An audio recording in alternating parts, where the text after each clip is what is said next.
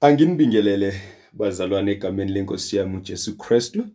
Isifundo sethu sanamhlanje na sizosithola eh encwadini ngokaJohn isahluko 11 siqala ukufunda uverse 1 eh sime kuverse 5 kodwa ke singakafundi bazalwane asike sikhuleke egameni lika Jesu baba wethu ongcwele yise wenkosi yethu Jesu mdali wezulu nomhlaba. Siyakubonga Nkosi yami ngalesikhathi siyakubonga Nkosi yami ngalomzuzu osinika wona. Kuba Nkosi yami siphinde sizwe izwi lakho namhlanje na siphinde silalele ukukhuluma kwakho namhlanje na khuluma uNkulunkulu wethu ongcwele ngezwi lakho phakathi kwethu egameni lika Jesu eindaweni zonke lalifinyelela khona. Ebese Nkosi yami uyabusisa abantwana bakho ngamunye ngamunye besakulizwa. Baxazululele Nkosi yami konke okubahluphayo egameni lika Jesu uqondise uhlahlamelisa indlela yabo. Phinda uNkulunkulu wethu onamandla onke uthulisa konke. uNkulunkulu wethu ongcwele okuxakaxaka einhlizweni zethu ongenza ukuba singalaleli sizwise izwi lakho. Kodwa Nkosi yami ulethe ngomoya wakho ongcwele ukulalela kuthina. Sikuzwe Nkosi yami ukhuluma ngeimpilo zethu ukhuluma futhi nezimpilo zethu. ngoJesu Kristu inkosi yethu siyakucela lokhu. Amen.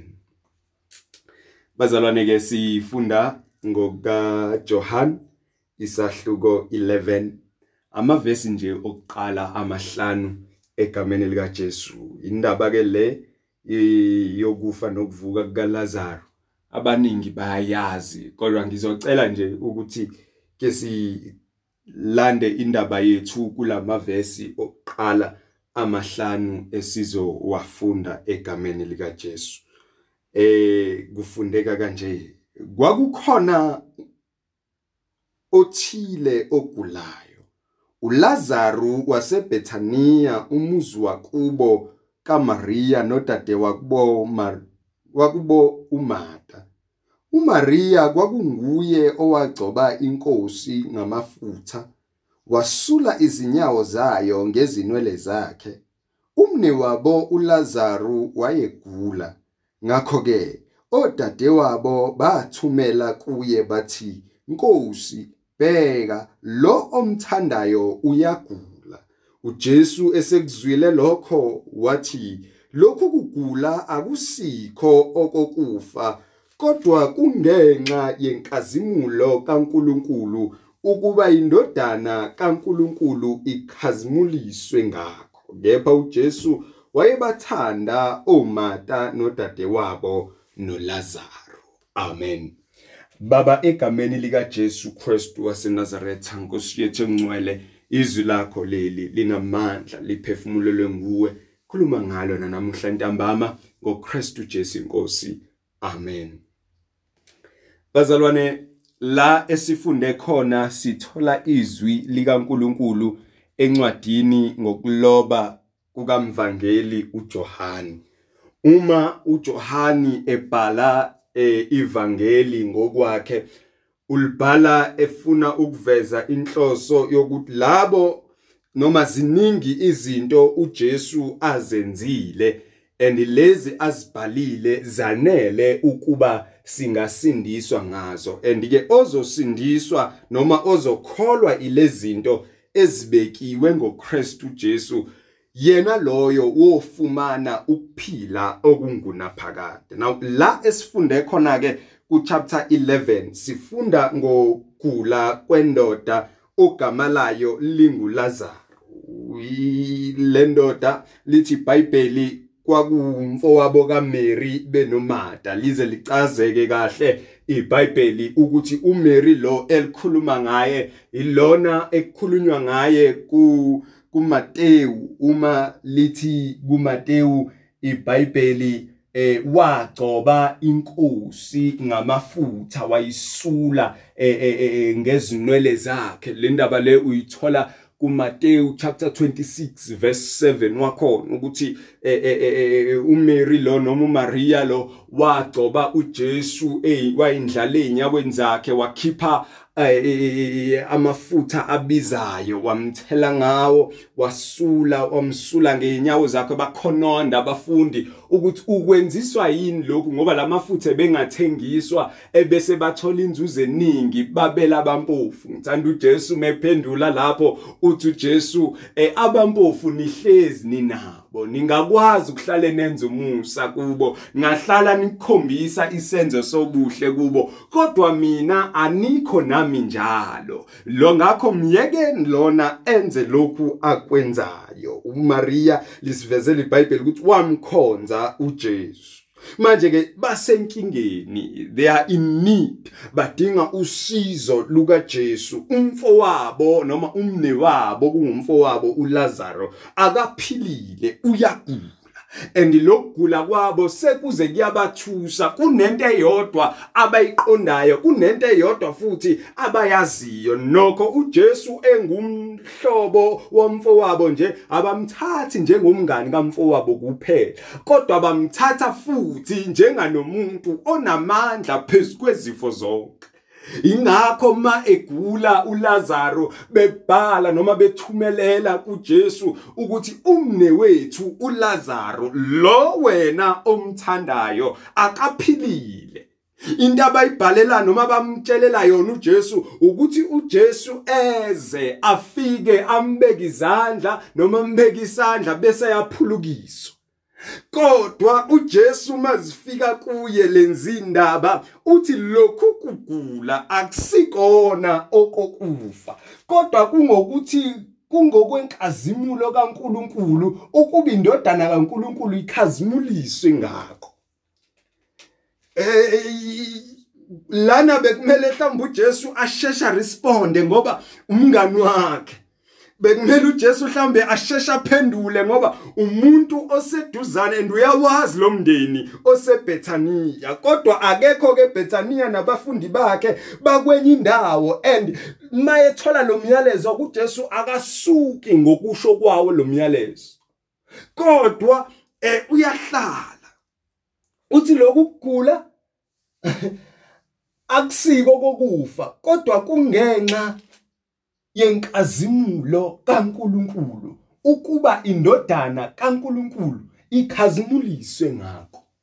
Mhlawumbe uma uMartha noma uMaria bebengakuzwa lokhu phendula kukaJesu bebengadikibala mhlawumbe futhi eh bebengeqonda ukuthi kuthini ngoba nami uma ngisesimweni esifanayo nesabo ngidinga usizo bese ngithola eh, iresponse enjengalena. Mhlawumbe ngake ngidide uchaza ukuthini manje lo muntu? Uma ekhuluma kanjena ngathi ngisosizini ngathi ngidinga usizo bese angiphendula usho ukuthini manje? Yini lento ayishoyo? Yini? Kwangathi akanaki. Ngikhulumiso okwabafundi bese emkhumbini kuvuka isivunguvungu. Inkosi awunaki noba sifa kwangathi inkosi ayinaki nje ukuthi ngisosizini olingakanani la. Nanga umme wethu. Kubuhlungu ukubuka umuntu wakini egula kubuhlungu kuyazwela. Abanye uzufisa engathi ungaze umthwaleleke manje. Hayi ngeke usehlukumezeke kakhulu umntaka ma sehlukumezeke kakhulu bani awuke ngimphathele lokugula kwakhe noma ke kuphume nje lokugula. Bano banethemba lokuthi makufika kuJesu lokhu kuzosuka. Kodwa uthi uJesu lokhu kugula akusiko kokufa kodwa kungokuba kukhazimuliseke uNkulunkulu nokuba indodana kaNkulunkulu ikhazimuliswe ngakho. Lento lena indrowe ekuthenini ngithi mina bazalwane kwesinye isikhathi bangcwele sidlula ezintweni ezinzima kakhulu. Hayi ngoba nakho mhlawumbe uNkulunkulu engasizwa masicela usizo. Hayi ngoba mhlawumbe uNkulunkulu engakunawa amandla okusophula kulezo zimo esingene kuzo.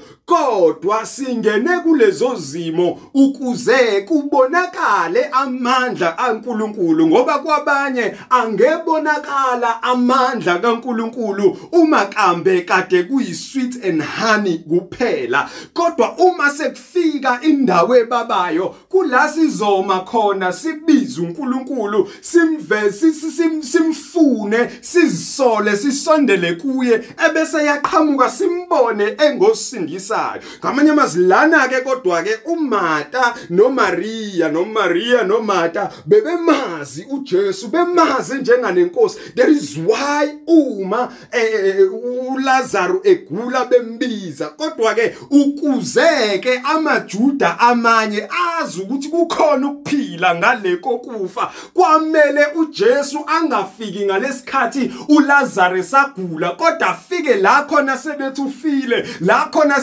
sebembela ithuna la khona sebemngcwabile la khona sekudlule khona izinsuku ezine. Mawufunda le ndaba uqhubeke uzokuthola lokho ukuthi ufike sethi nimbeke ngamanye amazwi mhlawumbe sizongena ubishini sishayeke sikhandleke sikhuleke. Sithi nkosi yami why ngiswela kangaka? Nkosi yami why ngifele kangaka? Nkosi yami why ngigula kangaka? Nkosi yami why ngikhathazeka kangaka? Nkosi yami kungani umshado wami ubhidlika? Nkosi yami kungani ingane zami zingalaleli? Nkosi yami kungani kwenzeka konke lokho kanti kwenzeka ukuze ukwazi ukubona amandla kaNkuluNkulu noma mhlambe kwenzeka ukuze ukwazi uqinisa abanye abeza ngemuva izimo abazohlangabezana nazo. Ukuthi mina sengike ngadlula lana ngimbonile uNkulunkulu engithwala kuloko ngimbonile uNkulunkulu engivusele kade sengithi sekufile ngimbonile uNkulunkulu engibuyisela ithemba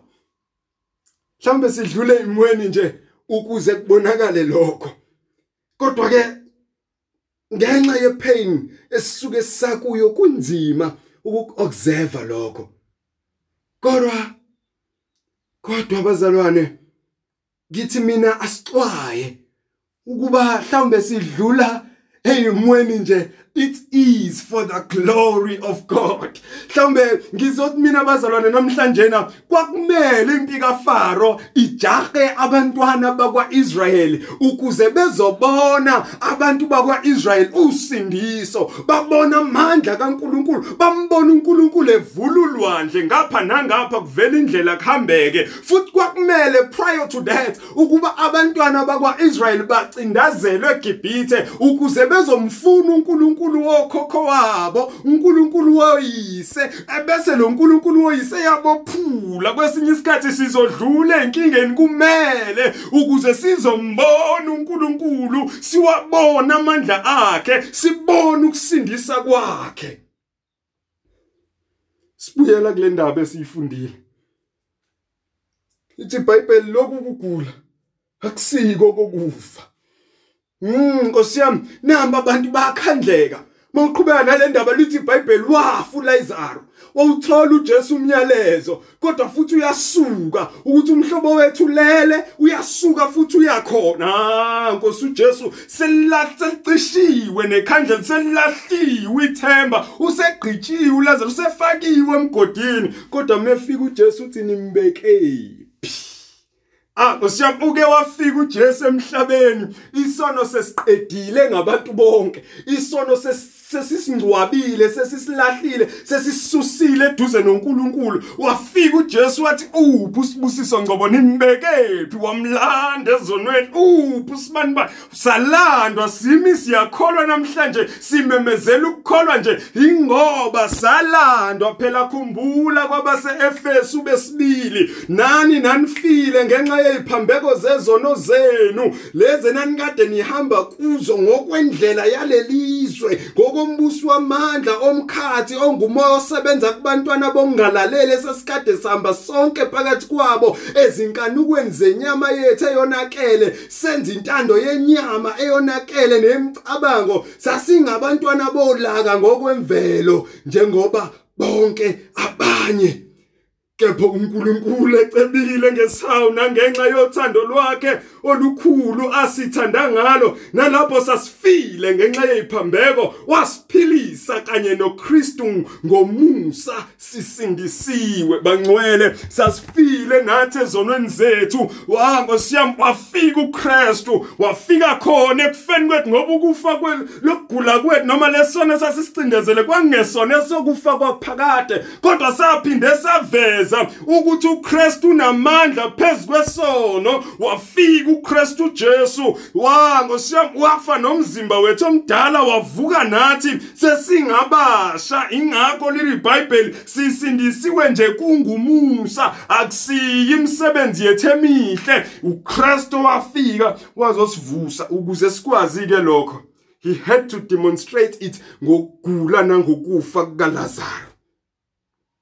Ukuze namhlanje sazi ukuthi ngampela unamandla okusivusa. Emveni kokufa kungokuthi wamvusa uLazaro ngiyakholwa ilokho mina ukuthi uKristu wavusa uLazaro nami noma ungathula lo mzimba namhlanje kodwa nginokuphila okungunaphakade. Ukuze ngime ngifakaze ukuthi uKristu indlela neqiniso yayo ekhaya ezulwini ingoba wamvusa uLazaro uma akwazi ukuvusa uLazaro kusho ukuthi nami ngovuka angisewukufa kwaphakade ngoba ngimile ngiyakholwa yiloku ukuthi uKristu unamandla walinqoba ithuna. Ngambona futhi ngizwile enqoba ithuna ngowakhe umzimba wavuka wayosimele ezulwini. Ngamanye amazwi sinalesibambiso sinalesithembiso ukuthi uma yena afa wanqoba ithuna wavuka. Nathi siyovuka sesingasenayo umzimba ozwelayo umzimba obuthaka umzimba ohlushwa isono kodwa sesivuka enkazimulweni ngoba he came for the glory. Angosiyami ukuba indodana kaNkuluNkulu ikhazimuliswe. Angosiyami isono sasithi siqedile ngathi isono sasithi siyaqeda ngathi siyasiphathaza usathane ethi ujabulile uwinile. Angosiyami wafika uKristu for udumo lukaNkuluNkulu nendodana yakhe ukuba ikhazimuliswe yafika yasehlula isono wayehlula ithuna wahlula ungcwatshwa wavuka waveza ukuphila okungunaphakade. Manje amazwi ngizothi mina namhlanje nalenkinga obhekene nayo akuyona yokufa kodwa kodwa kodwa ngendodana kaNkuluNkulu kuba ikhazimuliswe ah nkosi yami besingcwaba abahlobo bethu mhlawumbe sisazoba ngcwaba. Kodwa we will still stand tall and proclaim sisho sithi uNkulunkulu wethu unqobile uNkulunkulu wethu unamandla ngoba singcwaba nje abahlobo bethu sinethemba lokuthi ngokuvuka okuzayo bovuka sebembathiswe okungaboli sebembathiswe imizimba engasili idokoda nkosiyami sebephila ingunaphakade sebengasalambi sebengasomi. Nkosiyami lokhu kufa kwesikhashana kuthi angithi kwalokhu kufa esikubona sibona nsuku zonke namhlanje nakusasa. Ah akusiko kokufa nokuthula kwaphakade kodwa ukuzinka indodana yomuntu ikhazimuliseke wafika ufunda lencwadi uqhubeke nayo. Noma ngingaqhubekanga nayo kodwa ngiwathintile amaphatha amaningi. Uyifunde nje uqhubeke nayo ichapter yonke. Uzoza ukuthi uKristu ufikile. Wafika esenuku Lazaro. Wafike wathi Lazaro phuma. Lazaro phuma. Esekhalile wahlanganyela nabo ebunzimeni esebonile kodwa wamvusa ngoba lokugula ukuqinisekisa izwi lakhe lokhu kuyisiqinisekiso ke ingakho ngithi sibambe lokho ukuthi ngoba wamvusa uLazaro washo futhi ekuqaleni engakayi kuLazaro ukuthi lokugula akusiko kokufa. Noma esefile uLazaro sebethi awuwo kanti wayethini uJesu mhlambe kwakusengavuka abantu abangamhlulela ngamagama kodwa mefika wafika wamvusa. Nathi sinaleso sibambiso futhi nathi siqonda lokho ukuthi savuswa. Ngakho ke uma navuswa kanye noKristu funa nokwaphezulu. Sengiyathandaza. Sengiyathandaza abangcwele. Lo ubhlungu esibuzwayo namhlanje nakusasa. Le inhlupheko nezinkathazo esizwayo namhlanje nakusasa. Kuthi angithi mina lokhu akusikho kokufa kodwa kungenxa yenkazimulo kaNkuluNkulu. Ukuba indodana kaNkuluNkulu ikhazimuliswe ngakho. Bayakwenza kubapostoli babahlupha abapostoli bababulala abapostoli babashaya abashumayeli ivangeli babajezisa abashumayeli bababopha abashumayeli bevangeli. Kodwa lokhu kwangasiko kokuqeda kwangasiko kokufa kodwa kuba indodana kaNkuluNkulu ikhazimuliso yakhazimuliswa lashunyayela ivangeli laqhubeka. Namhlanje noma bengakukhuluma abakhuluma ngevangeli lisazoqhubeka. Namhlanje noma bengakukhuluma abakhuluma ngempilo yokholo kusazoqhubeka. Ngoba akusiko komuntu kodwa it is for the glory of God. Azalwane awumyalezo enguphethe namhlanje ukuthi ningadikibali ningakhathazeki. Qinana enkosini nasemandleni aya amakhulu. Inkinga ezikhona zesikhashana sikhumbule akuzona ezokuqeda ngathi kodwa ezokusimisa sisiqinise ukuba indodana yomuntu ikhazimuliseke iyokhazimuliseka ngisho sifa khazimuliseke ngisho khumbula ukuthi o Daniel eh o Shadrach o Michelle Abednego kuthiwa abakhothame bengakhothami. Uthi batho Shadrach noma ningasifaka emlindweni. Kodwa kuyokwazeka uma uNkulunkulu wethu engasiphulanga kulomlilo kuyokwazeka ukuthi akhona amadoda angakhothamanga. Ngamanye amazwi ngithi mina asimeni siqinile ukuthi noma inhlupheko nezinsizi nosizi lufika empilweni yethu. Kwazeke ukuthi bakhona abantu abamile bakholwa ukukholweni kwabo abangasuswa izimo ababhekane nazo abangasuswa izinkinga abahlangabezane nazo. Kodwa bama bamkhonza uNkulunkulu zikhona inkinga ukuze indodana kaNkulunkulu noNkulunkulu uqobe esezulwini bakhazimuliseke. Nkosi yomusa mayinibusise bangcwele asikhuleke. Baba wethu ongcwele yise wenkosi yethu uJesu dalo ezulu nomhlaba. uNkulunkulu wethu onamandla wonke udumo lukuwe. Nenkazimulo thatha ngosiyami nesibongo egameni lika Jesu ngokuba kukufanele. Khuluma ukhulumile ngosiyami ngezwi lakho. Siyabonga. Phinda ukusiqondisa ngalo phinda njalo hlala linkeneneza ngosiyami engqondweni zethu nasenhlizweni zethu sizindla ngalo. Khuluma ngosiyami kithina njalo naseyimweni zethu egameni lika Jesu ukuze ngosiyami siyohlala njalo siqonda ubukhulu bamandla akho sikukhazimulise ngoba ngosiyami lokho esifanele ukwenza ukuba ngosiyami sidumise wena ngempilo yethu yonke. Egameni lika Jesu thatha udumo nangalesi sikhathi sinqobele zonke nkosiyami inkinga nezimpi esibhekana nazo ngoKristu Jesu inkosi bayede ngikhona owenzile izulu nomhlaba nogcina iqiniso kuze kwekuphakade phakama nangalesi sikhathi ngoba uyabusa uphakeme futhi uyinkosi. Egameni lika Jesu Christ inkosi yethu amen. Asamukele umusa bazalwane. Musa wenkosi yethu Jesu thando lwaNkulunkulu Baba inhlanganyelo kaMongcwele makube nathi sonke kusigcine kusilondoloze azafika uJesu Christ inkosi yethu. Amen.